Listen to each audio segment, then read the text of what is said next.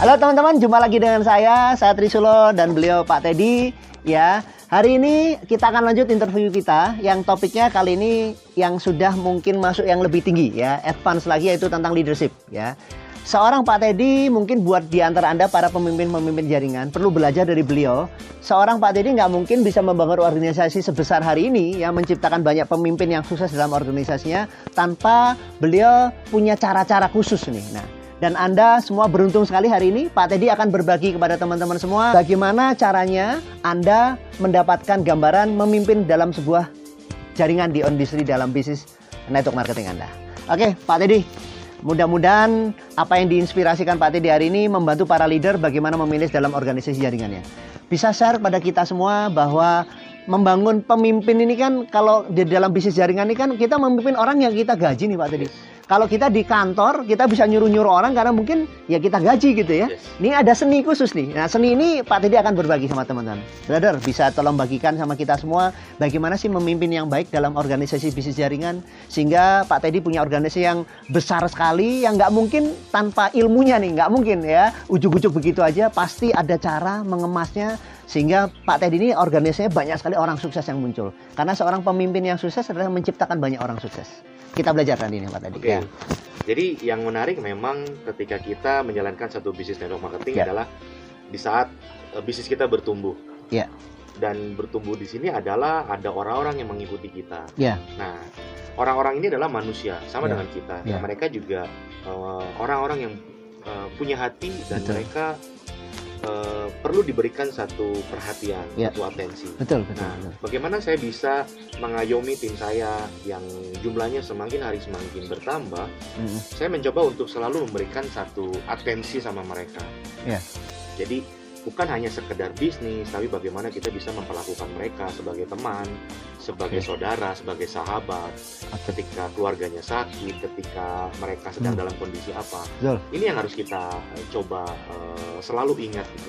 Karena menjalankan satu bisnis bukan hanya sekedar uang. Uang, ya. Ya, ya. bukan hanya sekedar uang. Build relationnya itu ya. build relationnya. Gimana Hmm. mereka bisa trust sama kita. Ya. Ketika kita bisa bareng-bareng dengan mereka Hmm. untuk sama-sama berjuang, Hmm. bukan cuma sekedar seperti manajer Ya, yang asal tunjuk, asal perintah, bukan seperti itu. ya. Bukan cuman kalau ketemu nanya omset berapa omset berapa Yes. gitu ya. Nah, Nah. oke. Itu menariknya. Jadi kebanyakan yang saya eh, saya alami dari dari dulu dan sampai akhirnya saya punya pembelajaran baru, kebanyakan semuanya selalu eh, mengandalkan otak kiri. Artinya gini, artinya Ya, selalu Ya. yang tadi dibilang sama Bro ya. soal omset, soal target, ya, kan ya. semuanya serba hitungan. Ya, Sementara orang kalau Ya. diperlakukan seperti itu, tim kita banyak sekali yang nggak akan nyaman. Gitu. ya, ya. Nah, gimana kita di sini bisa selalu mengajak mereka Ah. dengan otak kanannya juga gitu. Ya, ya. Apalagi kalau misalnya mereka pekerja punya bos, ini join network marketing supaya bebas dapat bos lagi ya. Iya, betul kan? Apa bedanya? Udah di pekerjaannya di perintah-perintah terus di, Di di, sini ah. di perintah-perintah lagi Iya. buat mereka jadi lah terus ngapain gua ada di sini kan Iya, gitu. betul, betul. Jadi kalau kita bicara otak kanannya, Ya. eh, saya pribadi dengan tim saya, saya selalu mengajarkan gimana mereka untuk selalu bersyukur, Oke, gimana mereka selalu harus punya hati yang sukacita, ya. dan bagaimana mereka bisa eh, bisa selalu berbuat baik. Oke. Itu hal-hal yang mungkin Value ya, value. tambahan yang bisa membuat orang itu Hmm. jadi magnet yang kuat dan punya energi positif. Hmm.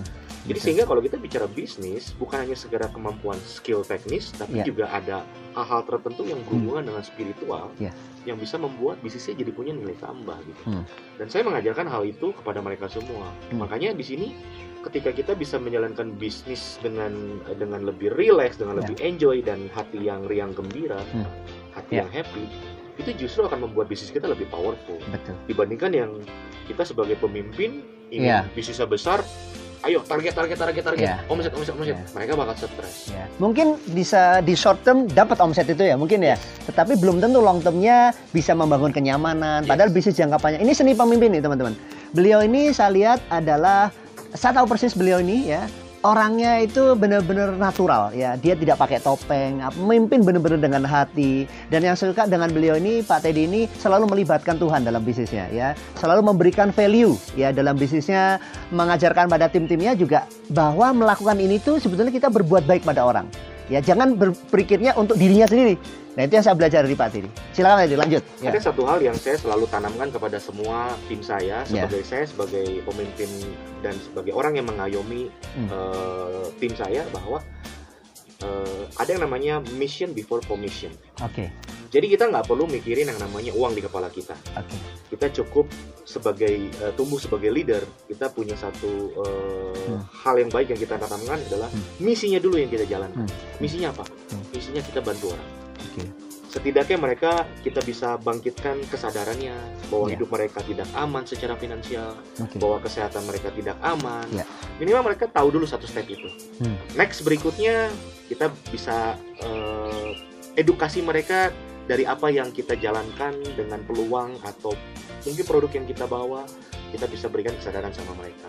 Hmm, nah, urusan mereka nanti mau atau enggak itu bukan urusan kita. kita. Tugas kita men menyampaikan ya. Tugas kita mengedukasi, tugas kita menyampaikan. Yang penting do the best and let's get to the rest. Ya, oke. Okay. Jadi so simple. Para pemimpin ya, uh, kalau mungkin buat anda para pemula mungkin saya nggak tahu anda ngeh dengan apa yang diceritakan Pak Tiri, tapi jelas buat anda para pemimpin pasti ngeh ya. Jadi kedepankan value dulu bukan kedepankan hanya sekedar mungkin tadi komisi dulu gitu ya. Buat para pemimpin sudah ada harus mengupgrade diri Anda, visinya sudah misinya dulu di depan. Value di depan, kasih value di depan maka akan ada impact. Nah, sekarang mungkin Pak Teddy ini kan organisasi Pak Teddy besar banget nih ya. Gimana sih memimpinnya ini? Orang-orang ini kan ibarat kata namanya orang kan macam-macam nih Pak. Ada karakternya berbeda-beda. Bagaimana ya secara Pak Didi menyatukan mereka dalam sebuah sistem ya? Karena Pak Didi membangun sebuah sistem yang luar biasa, terbukti berhasil. Ya gimana mereka itu bisa percaya semua dengan apa yang Pak Didi lakukan? Nah, value-value apa yang sistem yang diajarkan ya mungkin bisa berbagi pada kita. Oke. Ya. Jadi kalau kita bicara uh, orang-orang yang ada di dalam tim bisnis kita yang semakin berkembang dan semakin banyak, ya tentunya saya beserta tim uh, saya yang lain kita mencoba menciptakan satu komunitas, yeah. satu ekosistem di mana kita bicara soal sistem, Baik. kita bicara soal duplikasi, yeah. kita bicara satu uh, satu uh, pertemuan, kita bicara satu pembelajaran, okay. yang juga kita combine untuk zaman era sekarang kita combine dengan uh, digital yeah. kita kita kita manfaatkan misalnya salah satunya Facebook Live okay. untuk pembelajaran sehingga bisa terjangkau di seluruh Indonesia bahkan sampai luar negeri mm. kita bikin pertemuan-pertemuan yang bisa memberikan satu penghargaan kepada teman-teman semua mm. dan ini sifatnya benar-benar bisa membuat orang uh, mudah. Untuk memanfaatkan sistem ini Baik. Jadi sistem ini dari kita bicara yang paling basic sampai kita bicara yang paling advance, hmm. ini orang dapat dari awal. Jadi perjalanannya ini orang bisa ngikuti dari orang awal. Sehingga sampai akhirnya mereka punya jam terbang, mereka okay. punya waktu, mereka bisa bisa melakukan duplikasi yang sudah dilakukan oleh uh, upline-upline-nya hmm. yang mereka tiru dan mereka lakukan juga kepada tim mereka. Hmm. Jadi kita bicara sistem juga untuk okay. duplikasi. Okay. Jadi Poin pentingnya adalah salah satu memanage para pemimpin dalam pasukannya adalah beliau menciptakan satu komunitas, ya sistem. Pentingnya membangun sebuah sistem untuk bisa diduplikasi sehingga ini menjadi mesin untuk mencetak para pemimpin.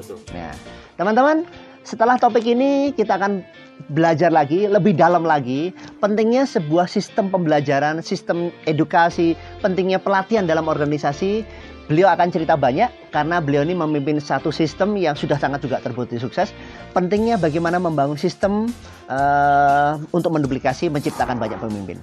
Tunggu setelah ini kita akan gali lebih dalam dalam interview berikutnya. Thank you bro untuk sesi yang ini. Sampai jumpa teman-teman di sesi yang berikutnya.